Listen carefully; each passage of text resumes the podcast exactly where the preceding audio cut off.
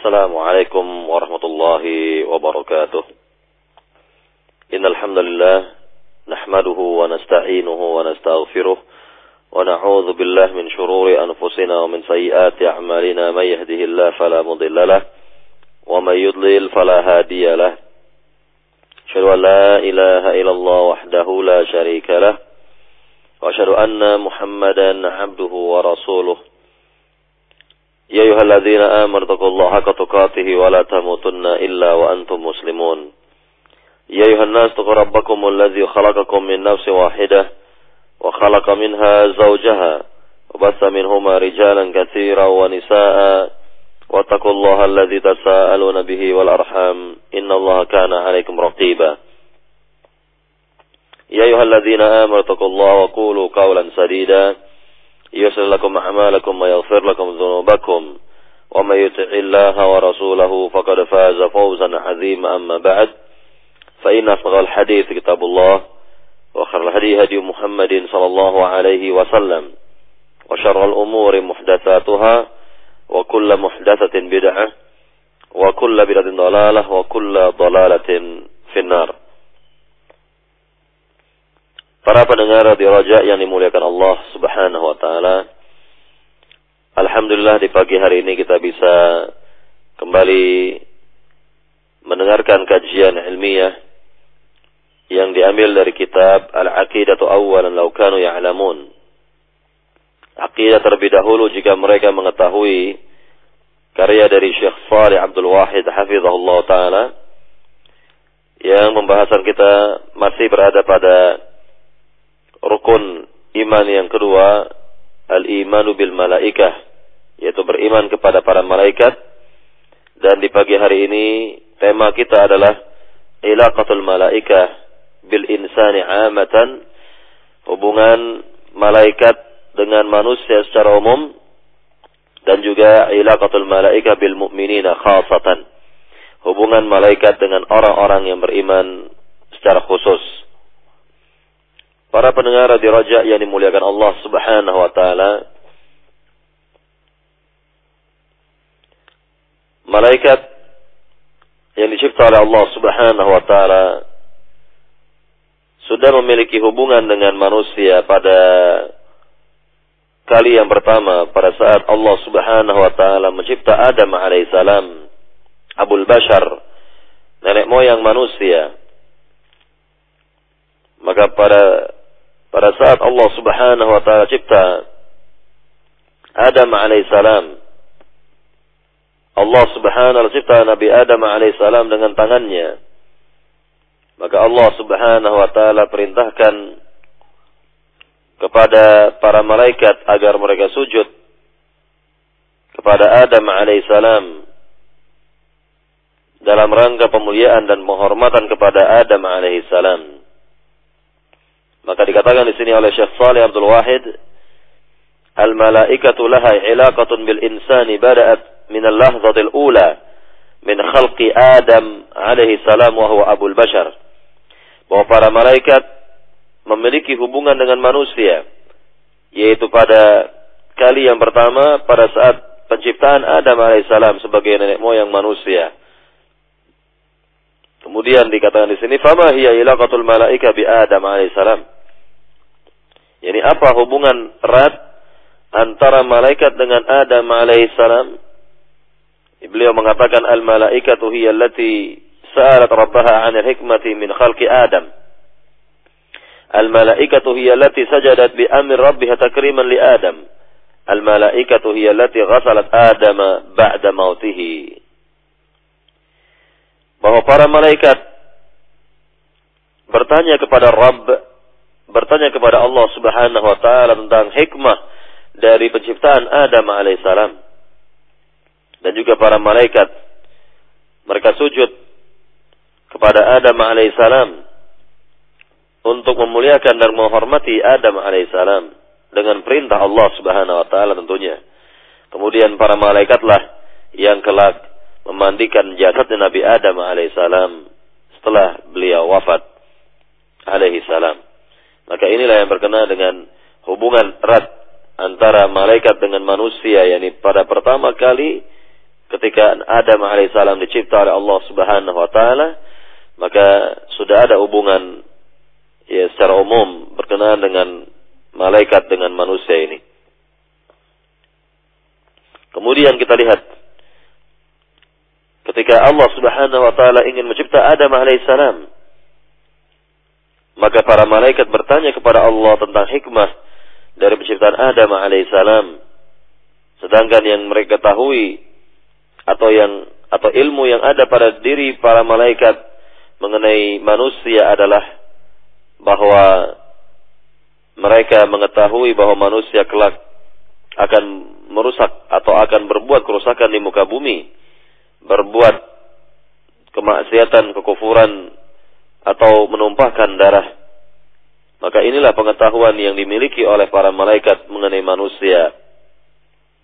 Maka dikatakan di sini, عندما أراد الله أن يخلق هذا المخلوق وهو آدم أخبر الملائكة بذلك أخبر الملائكة بذلك فسألت الملائكة عن الحكمة من خلق آدم وقد علمت أن آدم سيقع من ذريته في هذه الأرض إفساد وسفك الدماء وسفك للدماء وعصيان وكفر فأخبر الله ملائكته أنه أراد من خلق آدم حكمة لا يعلمونها لا يعلمونها فقال الله تعالى وإذ قال ربك للملائكة إني جاعل في الأرض خليفة قالوا أتجعل فيها ما يفسد فيها ويسفك الدماء؟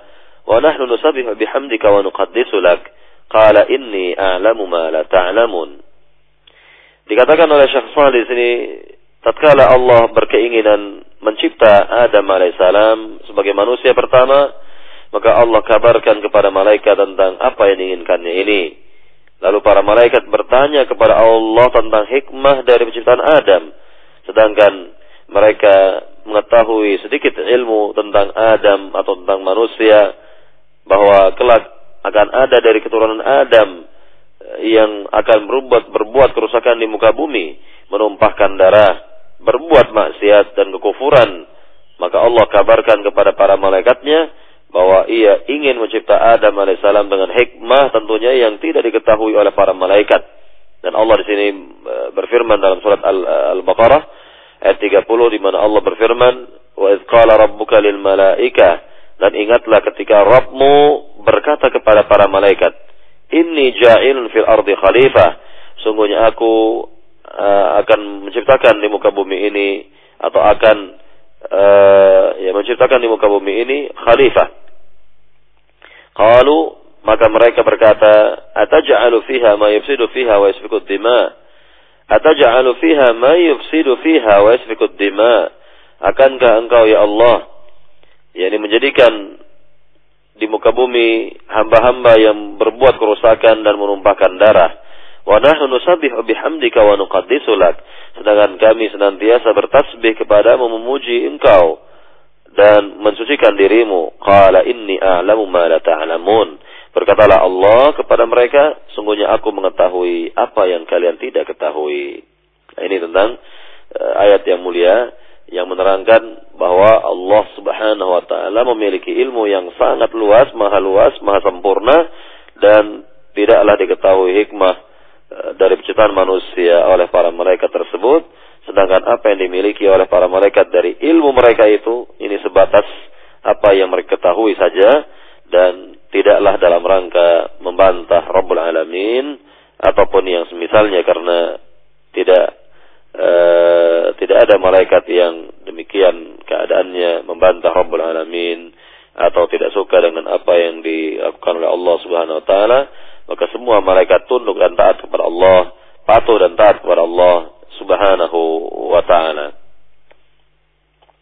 Kemudian dikatakan di sini oleh Syafari kembali, kita dengarkan kembali, wa indama khalaqallahu Adama wa nafakha fihi min ruhi amara al-malaikata ay yasjudu li Adam takriman lah iz qala rabbuka lil malaikati inni khaliqum basharan min tin fa idza sawaituhu ونفخت فيه من روحي فقعوا له ساجدين. وعندما مات آدم عليه السلام حار أولاده كيف يفعلون به؟ فعلمتهم الملائكة يقول صلى الله عليه وسلم لما توفي آدم وصلته الملائكة بالماء وترا والحدوا له والحدوا له وقالوا هذه سنة آدم في ولده وقد ثبت أن الملائكة غسل شهيدا من هذه الأمة أتعلمون من هو يا عباد الله هو هنظلة رضي الله تعالى عن الذي استشهد في معركة أهد Dikatakan di sini bahwa pada saat Allah Subhanahu wa taala mencipta Adam alaihissalam dan meniupkan roh kepadanya, maka Allah perintahkan kepada para malaikat untuk sujud kepada Adam dalam rangka pemuliaan dan penghormatan kepadanya. Sehingga Allah Subhanahu wa taala berfirman di sini dalam surat Sad, Allah berfirman dalam surat Sad ayat 71 sampai 72, ingatlah ketika Rabbmu berkata kepada para malaikat, sungguhnya aku mencipta manusia dari tanah, maka apabila Eh, telah sempurna penciptaannya dan aku tiupkan ruh padanya, maka sujudlah kalian semuanya kepadanya. Sujudlah kalian seluruhnya kepada Adam alaihi salam. Nah, ini perintah lagi, perintah kepada para malaikat agar mereka sujud kepada Adam alaihi salam sebagai penghormatan dan pemuliaan Adam alaihi salam. Jadi sujud yang para malaikat di sini bukan sujud ibadah. Bukanlah sujud ibadah tetapi sujud ya untuk memuliakan Adam dan mereka melaksanakan perintah Allah Subhanahu wa taala dan inilah ketundukan para malaikat kepatuhan ke, uh, para malaikat kepada perintah atas perintah Allah Subhanahu wa taala. Kemudian dikatakan lagi tidak cukup sampai di sini hubungan malaikat yakni dengan manusia pertama ini, maka dikatakan dalam pembahasan berikutnya ini, keterangan berikutnya ini bahwa pada saat Adam alaihissalam wafat, ketika Adam alaihissalam wafat, maka anak-anak Adam alaihissalam, keturunan Adam alaihissalam, mereka tidak mengerti dan belumlah mengetahui apa yang bakal mereka perbuat, apa yang akan mereka perbuat terhadap bapak mereka ini, Adam alaihissalam. Jadi bagaimana mereka mengurus jenazah bapak mereka ini, Adam alaihissalam. Maka Allah subhanahu wa ta'ala kirim yakni para malaikat Allah kirim para malaikat untuk mengajarkan kepada mereka tentang penyelenggaraan jenazah dan e, inilah yang e, akan diwariskan ya kepada mereka semua. Tentunya akan e, diberlakukan kepada mereka semua tentang pengurusan jenazah yang mereka pelajari dari para malaikat. Maka disebutkan oleh Nabi sallallahu alaihi wasallam hadis yang tertera dalam kitab Sahih Al-Jami' hadis nomor 5083 di sini tercantum maka Nabi Shallallahu alaihi wasallam e, bersabda tatkala Adam wafat maka dimandikan jenazahnya oleh para malaikat dengan air dalam bilangan yang ganjil. Lalu mereka membuatkan liang lahat bagi jasadnya Nabi Adam alaihissalam. Seraya mereka berkata hadhi sunnatu Adam fi waladih. Inilah sunnahnya Nabi Adam yang ber, diberlakukan kepada keturunannya yang diberlakukan kepada generasi ya generasinya berikutnya ya ini anak-anaknya nah inilah yang dikatakan oleh para malaikat dalam uh, hadis yang mulia ini dan kita tahu bahwa inilah uh, hubungan ya, yang sangat uh, baik hubungan yang erat antara malaikat e, dengan manusia, ini manusia yang pertama tentunya. Kemudian dikatakan lagi oleh Syekh Fadil di sini bahwa telah terdapat riwayat tentang e, salah seorang sahabat Nabi yang dimandikan oleh e, para malaikat ketika mati syahid dalam perang Uhud yaitu sahabat Nabi yang mulia yang bernama Hanzalah ya Hanzalah Al-Ghasil radhiyallahu taala an. Para jamaah, para pendengar di Roja yang dimuliakan Allah Subhanahu wa taala, ini sekali lagi berkenaan dengan ilaqatul malaika bil insani, yakni hubungan malaikat dengan manusia. Kemudian kita lihat lagi berkenaan dengan hubungan malaikat dengan manusia ini, yakni e, ketika manusia berada di perut ibunya, ketika manusia masih menjadi janin, berada dalam perut ibunya, maka sudah e, kita lihat di sini hubungan yang sangat erat antara malaikat dengan uh, yakni bakal manusia ini atau calon manusia ini atau janin yang berada di perut ibunya. Maka dikatakan oleh Syekh Salih di sini amma ilaqatul malaika bil insani 'amatan fahiya yani tabda min al-lahzah al-ula min takwinihi fi batni ummihi fal malaikatu tasharrafa alayhi fi ar-rahim fi hadha al-qarar al-makin الذي لا يعرف ما يكون في داخله من التدبيرات إلا الله. الملائكة لها دور وإشراف في تكوين هذا الإنسان في بطن أمه وهي التي تكتب ما تؤمر وهي التي تكتب ما تؤمر به من قبل الله وقد جاءت الأدلة تبين ذلك. Adapun kata beliau hubungan malaikat dengan manusia secara umum yakni dimulai ketika manusia berada dalam perut ibunya yakni ketika berproses menjadi uh, janin yang berada di perut ibunya, maka malaikatlah yang mengawasi rahim tersebut, mengawasi janin tersebut yang berada dalam perut ibunya itu dan tidaklah diketahui apa yang terjadi di dalamnya kecuali oleh Allah Subhanahu wa taala dan tentunya malaikat dalam hal ini mengawasi perkembangan janin yang ada dalam perut ibunya ini kemudian menulis apa yang telah diperintah oleh Allah Subhanahu wa taala dan telah terdapat dalil-dalil yang menjelaskan hal ini semua.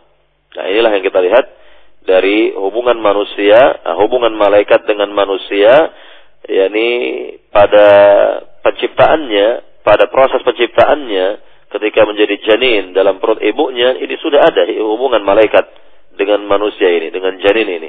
Maka malaikatlah yang diperintah oleh Allah Subhanahu wa taala untuk mengawasi perkembangan janin melihat dari perkembangan janin, kemudian menulis apa saja yang telah diperintah oleh Allah Subhanahu wa taala yang diperlakukan kepada e, calon manusia ini, yakni janin dalam perut ibunya ini. Kita lihat sekarang dalil yang dibawakan oleh Syekh di sini dalam riwayat Imam Muslim di mana Nabi Shallallahu alaihi wasallam bersabda, "Idza marra bin nutfati thintani wa arba'una lailah."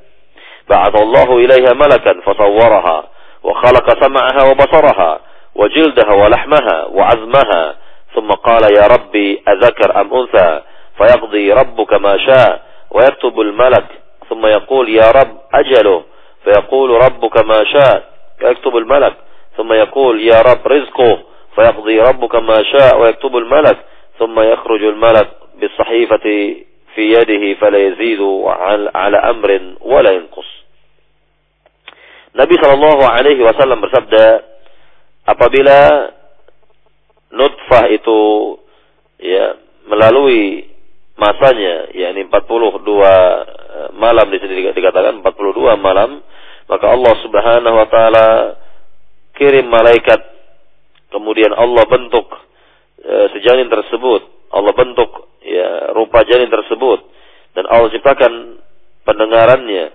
penglihatannya, kulitnya, dagingnya, dan tulangnya.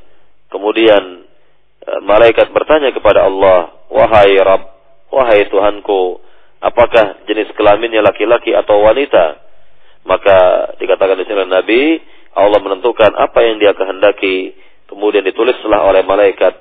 Ya, kemudian malaikat bertanya lagi kepada Rabb, Ya Rabb ajaluh, wahai Rabb, bagaimana dengan umurnya, dengan ajalnya?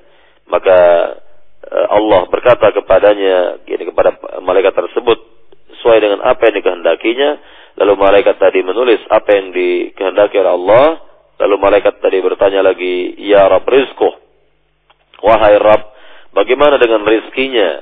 Maka Allah dikatakan sini menentukan rizki si janin, calon manusia ini sebagaimana yang ia kehendaki dan itu ditulis oleh malaikat Lalu keluarlah malaikat dengan membawa lembaran yang ada di tangannya yang tidak ditambah satu apa pun atau dikurang-kurangi dari apa yang telah diperintah oleh Allah Subhanahu wa taala. Nah, inilah yang kita lihat dari hadis Nabi yang mulia dalam riwayat Imam Muslim mengenai hubungan yang uh, sangat erat antara malaikat dengan uh, manusia ketika manusia masih berada di perut ibunya menjadi janin dan tentunya sudah diberikan perhatian yang besar oleh Rabbul Alamin melalui malaikatnya ini Dan inilah hubungan ya, yang pertama kali dengan manusia ketika manusia masih berada dalam perut ibunya dan ini sekalian ini sekaligus menandakan tentang kemuliaan manusia sudah diberikan perhatian oleh Allah Subhanahu wa taala yakni melalui malaikatnya ini ya ketika manusia masih berada dalam perut ibunya belum keluar ke dunia ini dan inilah uh, nikmat Allah yang besar yang kita rasakan dan kita ketahui maka hendaknya kita bersyukur kepada Rabbul Alamin. Hendaknya kita berterima kasih dan bersyukur kepada Allah Subhanahu wa taala yang telah ya yakni memerintahkan malaikat untuk mengawasi kehidupan manusia melihat perkembangan kehidupan manusia pada saat ya yang pertama kali ini yakni ketika manusia masih berada dalam perut ibunya yang disebut dengan janin tadi. Maka dikatakan di sini oleh Syekh Salih, "Falyattaqillaha alladhi idza busyira bil unsa dhalla wajhu muswadda wa huwa kadhim." Ya Abdullah, al-amr laysa biyadayk wala biyadi zawjah wala biyadi al-malak alladhi fi rahim innamal amr innamal amru kulluhu lillah. Maka hendaknya bertakwalah, takutlah kepada Allah. Yakni seorang yang apabila dikabarkan kepadanya tentang kelahiran anak perempuannya, lalu berubahlah berubahlah raut wajahnya, ya seolah-olah dia marah. Nah inilah yang kita lihat dari kebiasaannya orang-orang jahiliyah dahulu, orang-orang musyrikin dahulu. Jika mereka dikabarkan tentang kelahiran anak perempuan, maka wajah mereka berubah, raut muka mereka berubah tanda mereka marah dan tidak ridha dengan kelahiran anak perempuan ini dan ini yang kita lihat dari kebiasaan ya sebagian dari orang-orang kafir Quraisy pada zaman itu bahkan mereka tega-teganya yakni membunuh anak-anak perempuan tersebut dengan dikubur hidup-hidup ya, pada saat lahirnya itu uh, dikubur hidup-hidup dan ini adalah uh, kebiasaan yang sangat-sangat buruk dan berasal dari kaum jahiliyah, kaum musyrikin di zaman itu.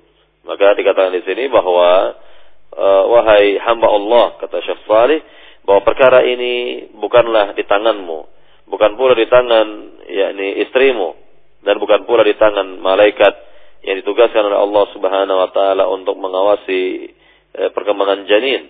Namun urusan ini semua diserahkan dan uh, adalah milik Allah Subhanahu wa taala. Jadi dengan demikian bahwa hendaknya kita bersyukur dan bersyukur kepada Rabbul Alamin yang telah uh, yakni memberikan kebaikan dan keutamaan yang besar bagi kehidupan manusia ini uh, di antaranya adalah dengan menugaskan malaikat untuk mengawasi perkembangan janin dalam perut ibunya ini dan menuliskan hal-hal yang telah diperintah oleh Allah Subhanahu wa taala yang diberlakukan kelak bagi si janin. Kemudian dalam hadis yang lain yang bisa kita lihat di sini, yang e, melengkapi dari hadis sebelumnya dalam e, Sahih Bukhari dan Muslim Nabi Shallallahu Alaihi Wasallam bersabda Inna hadakum yujma'u khalqu fi batni ummi arba'ina yawman nutfah ثم يكون علقة مثل ذلك ثم يكون مغضة مثل ذلك ثم يرسل إليه الملك فينفخ فيه الروح ويؤمر بأربع كلمات بكسب رزقه وأجل وعمل وشكل سعيد فوالله الذي لا إله غيره إن هلكم لا يعمل بعملي أهل الجنة حتى ما يكون بينه وبين إلا ذراع فيسبق عن الكتاب فيعمل بأعمال أهل, أهل النار فيدخلها وإن أحدكم لا يعمل بأعمال أهل النار حتى ما يكون بينه وبين إلا ذراع فيسبق عن الكتاب فيعمل بأعمال أهل الجنة فيدخلها رواه مسلم. Kata Nabi Shallallahu Alaihi Wasallam, sungguhnya penciptaan salah seorang antara kalian adalah dikumpulkan pertama kali penciptaannya di perut ibunya. Kemudian dikatakan di sini 40 hari pertama disebut sebagai nutfah. Kemudian 40 hari yang berikutnya lagi disebut sebagai alaqah, ini segumpal darah. Dan e, 40 hari berikutnya lagi menjadi mutghah, yakni segumpal e, daging. Kemudian diutuslah satu malaikat kepadanya dan ditiupkan roh kepada janin tersebut Lalu malaikat diperintah oleh Allah untuk menuliskan empat hal, empat hal bagi si janin, yakni pertama tentang rezekinya, yang kedua mengenai amal perbuatannya, yang ketiga ya, yang pertama mengenai rezekinya, kemudian umurnya, kemudian amalnya, dan yang keempat mengenai e, bahagia atau sengsaranya ia. Maka Nabi katakan lagi, maka demi Allah yang tidak ada ilah yang berhak disembah dengannya, ya, tidak ada ilah yang berhak disembah dengan benar, ya, selainnya, ya, sungguhnya salah seorang di antara kalian benar-benar akan mengamalkan amalan penduduk surga hingga jarak antara dirinya dengan surga tinggal satu hasta. Namun ia didahului oleh Alkitab yang takdir, maka ia mengamalkan amalan penduduk neraka, maka ia masuk ke dalam neraka. Dan sungguhnya kata Nabi, salah seorang di antara kalian eh, akan mengamalkan amalan penduduk neraka hingga jarak antara dirinya dengan neraka tinggal satu hasta, lalu ia didahului oleh Alkitab, lalu dia mengamalkan amalan penduduk surga, lalu ia masuk ke dalam surga. Ini hadis yang e, menerangkan kepada kita tentang e, pertama yakni hubungan malaikat ya sudah ada dengan manusia ketika manusia itu masih berupa janin dalam perut ibunya dan yang kedua berkenaan dengan e, perkembangan manusia itu sendiri yang dipantau langsung oleh malaikat yang dipantau langsung oleh malaikat dan juga malaikat diperintahkan oleh Allah Subhanahu wa taala untuk menuliskan empat hal yang diberlakukan bagi sejanin ini kelak. Kemudian dalam hadis yang lain juga ini hadis yang ketiga berarti yang ada di di, di hadapan kita bahwa Nabi Shallallahu Alaihi Wasallam menjelaskan dalam riwayat Bukhari Muslim ini apa kata Nabi mengenai hari ini وكل الله تعالى بالرحيم ملكا. فيقول أي رب نطفة أي رب علقة أي رب مضغة. فإذا أراد أن يقضي خلقها قال أي رب ذكرا ذكر أم أنثى أشقي أم سعيد فما الرزق فما الأجل؟ فيكتب كذلك في بطن أمه. kata Nabi Shallallahu Alaihi Wasallam bahwa Allah Subhanahu Wa Taala telah wakilkan. Allah Subhanahu Wa Taala telah perintahkan satu malaikat untuk menjaga rahim wanita. Kemudian malaikat tersebut yakni berkata kepada Rabb, "Ai Rabb nutfah, wahai Rabb sekarang menjadi nutfah. Ai Rabb alaqah, wahai Rabb sekarang menjadi alaqah segumpal darah. Ay rab mudghah. Wahai rab sekarang menjadi segumpal uh, daging yakni mudghah. Maka apabila Allah hendak menentukan penciptaannya maka malaikat tadi bertanya lagi kepada Rab wahai Rab apakah jenis kelaminnya laki-laki atau wanita atau perempuan kemudian apakah dia akan sengsara kelak atau bahagia lalu bagaimana dengan rezekinya bagaimana dengan umurnya maka semuanya ini kata Nabi ditulis oleh malaikat ya ketika janin tersebut masih berada dalam perut ibunya ini. Nah inilah yang kita lihat dari hadis yang ketiga yang menguatkan dan menyempurnakan hadis-hadis uh, sebelumnya dan tentunya uh, ini adalah keutamaan yang Allah berikan nikmat besar yang Allah berikan kepada kita semua sebagai manusia yang sudah diberikan perhatian oleh Allah Subhanahu wa taala melalui malaikatnya ini ketika kita masih berada dalam perut ibu-ibu kita. Dan ini adalah bukti ya yakni kesempurnaan Allah Subhanahu wa taala, ilmunya Allah ya, yang maha sempurna ini. Dan hendaknya kita sekali lagi bersyukur dan e, bertakwa kepada Allah Subhanahu wa taala yang telah diciptakan dengan sebaik-baik penciptaan ini dan tentunya memiliki kelebihan-kelebihan yang banyak atas kebanyakan makhluk yang Allah cipta.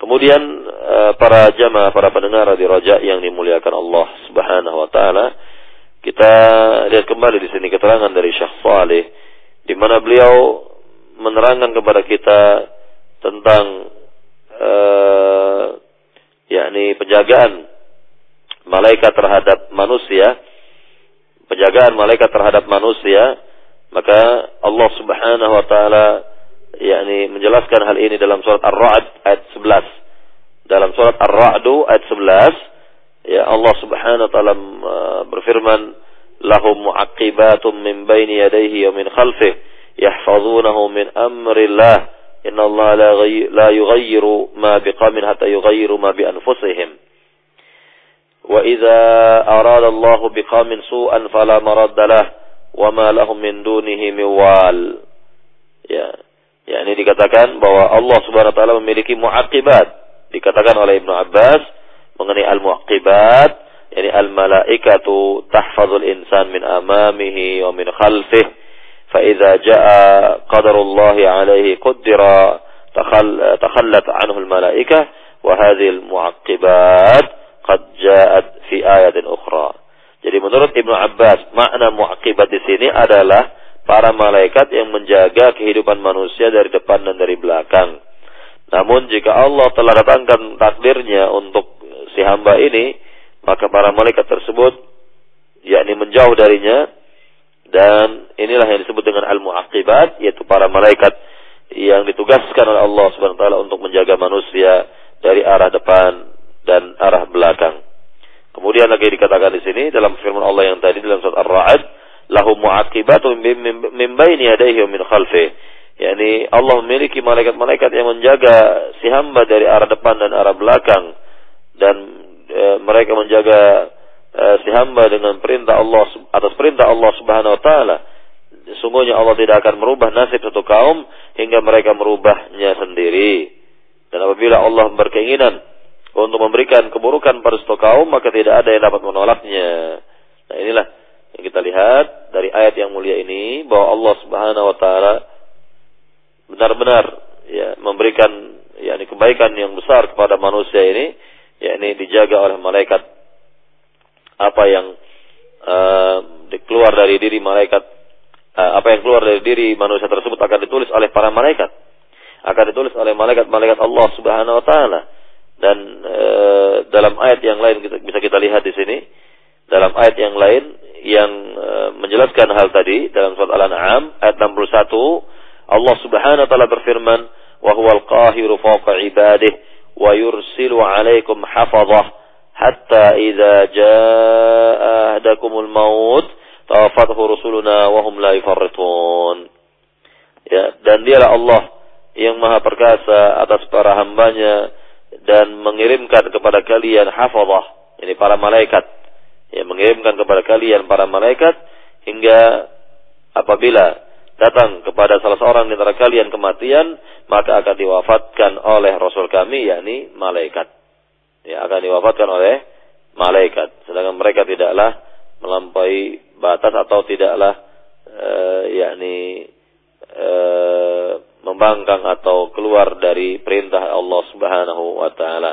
Nah, inilah sekali lagi para pendengar di Rojak yang dimulakan Allah Subhanahu wa taala mengenai hubungan yang sangat erat antara malaikat dengan manusia. Kemudian para pendengar di rojak yang dimuliakan Allah Subhanahu wa taala, kita lihat kembali ya berkenaan dengan apa yang uh, dilakukan uh, para malaikat ya, terhadap manusia bahwa malaikat jelas-jelas memantau kehidupan manusia. Malaikat yang ditugaskan oleh Allah Subhanahu wa taala melihat ya, kehidupan manusia, memantau kehidupan manusia, menulis apa saja yang Eh, diperintah oleh Allah Subhanahu wa taala dan di antaranya adalah menulis amal-amal dan perbuatan yang dilakukan oleh para hamba ketika hidup di dunia ini. Dan tentunya e, peranan malaikat sangatlah besar dalam kehidupan e, manusia. Dalam kehidupan manusia. Dan juga tentunya bahwa mereka e, yakni mendorong manusia atau memerintahkan manusia atau mengajak manusia untuk berbuat ketaatan kepada Allah Subhanahu wa taala. Ya untuk berbuat ketaatan kepada Allah Subhanahu wa taala. Maka dikatakan di sini oleh Syekh Salih selanjutnya mengenai peranan malaikat dan hubungan malaikat dengan manusia, al malaikatu taharraka bawa'ith al khair atau tuharriku bawa'ith al khair fi nufus ibni Adam, fi nufus ibni Adam. فالله عز وجل قد وكل بكل إنسان قرينا من الجن وقرينا من الملائكة وقرين الجن يأمر بالشر ويرغب فيه wa qarinul malaika ya'mur bil khairi Syekh Abdul Wahid mengatakan kepada kita bahwa para malaikat mereka dapat yakni memberikan motivasi kebaikan kepada jiwa-jiwa manusia, kepada diri-diri manusia. Maka Allah Subhanahu wa taala telah wakilkan untuk satu manusia yakni satu malaikat yang menemaninya dan juga satu jin yang menemaninya. Adapun jin akan senantiasa memerintahkan manusia itu untuk selalu berbuat yang buruk dan memberikan motivasi untuk keburukan. Adapun malaikat kata Nabi yang menemani manusia tersebut tetap memerintahkan kepadanya kebaikan dan memberikan motivasi atas yang demikian itu. Nah, inilah yang kita lihat di sini dari keterangan bahwa malaikat yakni tetap memiliki hubungan yang sangat erat dengan kehidupan manusia dan tentunya ke mana pun manusia berjalan atau melakukan aktivitas dan sebagainya, maka semuanya itu akan ditulis oleh e, para malaikat. Ya. Kemudian para pendengar di rojak yang dimulakan Allah Subhanahu Wa Taala, e, Allah Subhanahu Wa Taala berfirman di sini yang kita lihat dalam surat Qaf, misalnya dalam surat Qaf ayat 16 sampai 18, Allah Subhanahu Wa Taala terangkan hal ini dalam surat ya, yang mulia ini. Walaqad khalaqnal insana wa na'lam walaqad khalaqnal insana wa na'lamu ma tuwaswisu bihi nafsuhu wa nahnu aqrabu ilayhi min hablil warid إذ يتلقى المتلقيان عن اليمين وعن الشمال قعيد ما يلفظ من قول إلا لديه رقيب عتيد Ya artinya bahwa uh, Allah Subhanahu wa taala atau sungguh kami telah ciptakan manusia, sungguh kami telah ciptakan manusia dan kami mengetahui apa yang berada pada jiwanya itu dan kami ya lebih dekat kepadanya dari urat nadinya. Ingatlah ketika dua malaikat berjumpa ya ketika malaikat ya, berada pada sisi kanan dan sisi kiri ya dan e, tidaklah satu kalimat atau perkataan keluar dari lisan melainkan ada malaikat yang mencatatnya melainkan ada malaikat yang menulis apa yang diucapkan oleh si hamba apa yang di ya apa yang keluar dari lisan-lisan para hamba ini maka inilah tugas malaikat yang mulia dan ini menunjukkan sekali lagi tentang kemuliaan manusia, eh, kehormatan manusia dan tentunya Allah Subhanahu wa taala berikan kelebihan yang banyak terhadap manusia atas kebanyakan makhluk yang Allah cipta. Kemudian dalam ayat yang lain bisa kita lihat ini e, lebih kuat lagi ayat e, atau lebih menyempurnakan lagi ayat yang sebelumnya dalam surat Al-Infitar ayat 10 sampai 12 di mana Allah Subhanahu wa taala berfirman wa inna 'alaikum lahafizin kiraman katibin ya'lamuna ma taf'alun Sungguhnya atas diri kalian itu ada malaikat yang menjaga, yaitu malaikat-malaikat yang mulia lagi menulis, ya, yang menulis yang mengetahui apa yang kalian kerjakan. Mengetahui apa yang kalian. Jadi jangan kita mengira bahwa apa yang kita perbuat, apa yang kita ucapkan ini tidak ada malaikat yang menulisnya. Maka kita yakini dengan seyakin-yakinnya dan ini merupakan akidah yang mendasar, akidah al-sunnah wal jamaah, bahwa setiap gerak-gerik kita, perkataan kita, ucapan kita semuanya itu akan ditulis oleh malaikat dan akan dilaporkan kepada Allah Subhanahu wa taala kelak. Kemudian dikatakan pula dalam ayat yang lain yang menjelaskan hal ini pula dalam surat Az-Zukhruf ayat 80 Allah berfirman am yahsabuna anna la nasma'u sirrahum wa najwahum bala wa rusuluna ladaihim yaktubun Yani apakah mereka mengira bahwa kami tidak dapat mendengar ya yakni perkataan rahasia mereka dan bincang-bincang mereka yang jelas ya melainkan rasul-rasul kami yang menulis apa yang ya berasal dari manusia itu. Jadi Allah Subhanahu wa taala perintahkan malaikat untuk menulis apa yang datang dari manusia yakni berupa perbuatan atau ucapan-ucapan tentunya semuanya akan uh, yakni ditulis oleh malaikat dan tidak akan luput dari penulisan tersebut dan hendaknya kita bersyukur sekali lagi kepada Rabbul Alamin yang telah menjadikan malaikat ini sangat dekat hubungannya dengan kita sebagai manusia. Kemudian e, para pendengar di Roja yang dimuliakan Allah Subhanahu wa taala, e, kita lihat di sini tentang keadaan manusia kelak di negeri akhirat. Ya di negeri akhirat bahwa manusia akan mendapatkan ya buku amal-amalnya dan tentunya dari buku amal-amal tersebut tidaklah tertinggal satu apa pun baik yang besar maupun yang kecil, semuanya akan ditulis oleh para malaikat, eh, semuanya akan ya atau semuanya telah ditulis oleh para malaikat oleh para malaikat. Dan tentunya kita lihat di sini keterangan dari Syekh Salih di mana beliau mengatakan al insanu yaumal qiyamah yajdu al malaika yani eh, sajalat alaihi kulla syai'in saghir wa kabira wa idza arad wa idza aradat aradta an ta'rifa dzalika fasma' إلى المجرمين عندما ينظر كل من كل في كتابه. قال الله تعالى ووضع الكتاب فطر المجرمين مشفقين مما فيه ويقولون يا ويلتنا ما لهذا الكتاب؟ لا يغادر صغيرة ولا كبيرة إلا أحصاها ووجدوا ما عملوا حاضرا ولا يظلم ربك أحدا. Nah, di sini kita lihat bahwa manusia kelak di negeri akhirat akan mendapatkan malaikat yakni menulis segala sesuatu yang berasal dari manusia ketika hidup di dunia baik yang kecil maupun yang besar. Dan apabila engkau ingin mengetahui hal yang demikian maka dengarlah ya e, mengenai orang-orang yang suka berbuat dosa dan maksiat ini. Ketika melihat kepada catatan amalnya maka Allah Subhanahu wa taala terangkan dalam surat Al-Kahfi di sini yang tadi dibacakan ayat yang dibacakan dalam surat Al-Kahfi ayat 49 ayat 49 yakni mereka mengatakan hadzal kitab la yughadiru saghiratan wala kabiratan. Bahwa kitab catatan ini kitab dari catatan amal perbuatan ini tidaklah meninggalkan sedikit pun baik yang kecil maupun yang besar. Semua telah ditulis oleh malaikat dengan rapi dengan teliti dan tentunya semuanya adalah sebagai bukti uh, tentang ini ilaqah hubungan antara malaikat dengan manusia. Dan dalam hal ini tentunya kita sekali lagi uh, bisa menambah keyakinan kita kepada Rabbul Alamin, menambah keyakinan kita mengenai eh, perkara-perkara uh, gaib seperti itu. Dan kelak akan kita ketahui uh, yang hal seperti ini nanti di negeri akhirat di mana Allah Subhanahu wa taala akan memperlihatkan kepada para hamba misalnya tentang buku atau catatan amal amal perbuatan ya catatan dari amal-amal perbuatan dan semua akan ditimbang, akan dihisab oleh Allah Subhanahu wa taala.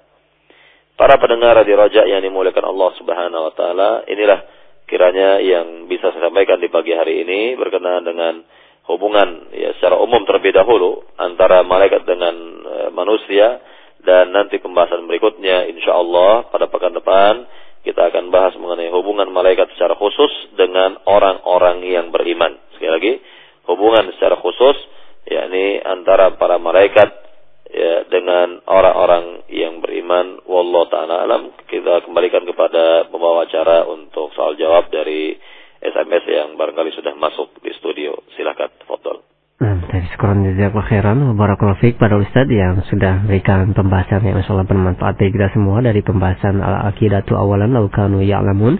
Akidah terlebih dahulu jika mereka mengetahui. Dan masih dalam pembahasan beriman kepada malaikat-malaikat Allah Subhanahu wa taala. Dan ikhwatal iman rahimakumullah pendengar radio jadi mana pun Anda berada, selanjutnya kami buka sesi tanya jawab Dan untuk kesempatan uh, selanjutnya pertama kami akan angkat pertanyaan melalui pesan singkat. Ya ada pertanyaan Ustadz dari Yuni di Jakarta. Assalamualaikum warahmatullahi wabarakatuh. Ya Ustadz, Ana pernah mendengar ketika Allah menetapkan rezeki, umur, amal dan bahagia bahagianya kepada uh, bahagia atau tidaknya kepada janin, bila janin tersebut menerima ketetapan itu, maka janin tersebut akan dilahirkan selamat. Dan bila janin tersebut menolak ketetapan yang ditetapkan Allah tersebut, maka ia akan wafat. Apakah benar riwayat uh, yang Anda dengar tersebut, Ustaz? Eh, dalam hal ini semua pada dasarnya telah ditakdirkan oleh Allah Subhanahu wa taala jauh sebelum alam semesta yang dicipta yakni uh, jauh sebelum alam semesta dicipta maka semua telah ditulis oleh Allah Subhanahu wa taala di Lauhul Mahfuz ya. Dan apa yang berlaku bagi manusia juga telah tertera di sana. Semua telah tertera di sana semua dan sangatlah sempurna apa yang telah Allah tulis bagi uh, seluruh para makhluk baik manusia jin dan lain sebagainya. Semua telah ditentukan ditakdirkan oleh Allah Subhanahu wa taala. Kemudian yang berikutnya bahwa tentu Allah Subhanahu wa taala Maha Kuasa dan uh, tidak ada perintah-perintahnya ataupun uh, apa yang diinginkannya itu menjadi tertolak atau ditolak oleh para hamba tidak ada. Jadi Allah Maha Kuasa dan apa yang diinginkannya, apa yang Allah takdirkan akan berlaku bagi para hamba dan tidak ada di antara hamba yang uh, ditentukan dan ditakdirkan oleh Allah Subhanahu wa taala tersebut. Maka tidaklah benar jika dikatakan tadi yakni apabila janin dapat menolak apa yang e, diinginkan oleh Allah Subhanahu wa taala. Kita lihat bahwa para malaikat saja tidak bisa menolak apa yang diinginkan oleh Allah dan kita yakini bahwa apa yang diinginkan oleh Allah itu pasti baik. Apa saja yang berasal dari diri Rabbul Alamin, dari keinginan Allah pasti baik, dari semua perbuatan-perbuatan Rabbul Alamin pastilah baik, ya, dari sifat-sifat Allah Subhanahu wa taala pastilah baik dan tidak ada yang tidak baik. Semua ya yang bersumberkan dari Rabbul Alamin pasti ya, adalah kebaikan-kebaikan dan tentunya inilah hikmah besar ya dari penciptaan manusia yang memang dikatakan tadi tidak diketahui oleh malaikat, tidak diketahui oleh malaikat. Jadi malaikat saja yang merupakan makhluk Allah yang uh, kuat, yang perkasa dan memiliki kelebihan yang banyak itu tidak pernah membantah, tidak pernah menolak apa yang diinginkan oleh Allah Subhanahu wa taala. Apalagi berkenaan dengan janin. Ya ini bisa berbuat apa dia? Bisa berbuat apa janin tersebut? Dia belum bisa berbuat apa-apa. Dan dia masih sangat-sangat lemah dalam perut ibunya. Dalam perut ibunya butuh ya pertolongan Rabbul Alamin. Butuh bantuan dari Allah Subhanahu wa taala. Dan e, berkenaan dengan e, hidup atau matinya janin tersebut ya kita serahkan kepada Allah Subhanahu wa taala. Jika Allah berkehendak bahwa janin tersebut akan berkembang dan hidup dengan baik. Ini atas izin Allah Subhanahu wa taala dan kebalikannya pun atas izin Allah Subhanahu wa taala dan kita tidak bisa mencampur urus mencampur e, mencampuri urusan seperti ini. Dan ini semua ya diserahkan kepada Allah al-amru biyadillah. Perkara ini urusan ini semuanya ada di tangan Allah Subhanahu wa taala. Wallahu taala alam. Nah, sekarang atas jawabannya Ustaz. Dan selanjutnya ada pertanyaan dari Puspa di Bandung. Ya Ustaz, eh, bagaimana dengan eh, korin atau malaikat yang selalu mendampingi tiap-tiap manusia? Benarkah tentang hal tersebut Ustaz? Mohon penjelasannya. Ya, berkenaan dengan korin atau yang menemani manusia dari bangsa jin ini benar adanya. Ya benar dan disebutkan dalam uh, hadis Nabi Shallallahu Alaihi Wasallam. Ya disebutkan dalam hadis Nabi Shallallahu Alaihi Wasallam mengenai karin ini. Dan juga uh, kita ketahui dalam riwayat ya dalam uh, hadis Nabi Shallallahu Alaihi Wasallam bahwa selain Allah uh, yakni uh, memberikan atau Allah Subhanahu Wa Taala menakdirkan satu jin untuk satu satu manusia maka satu malaikat pun eh, satu malaikat akan eh, menemani manusia yang memerintahkan kepada kebaikan-kebaikan yang memerintahkan kepada kebaikan-kebaikan. Ya disebutkan dalam sebuah hadis riwayat ya yakni innal syaitan bibni adam lamma walil malak lamma fa amma lammatu syaitan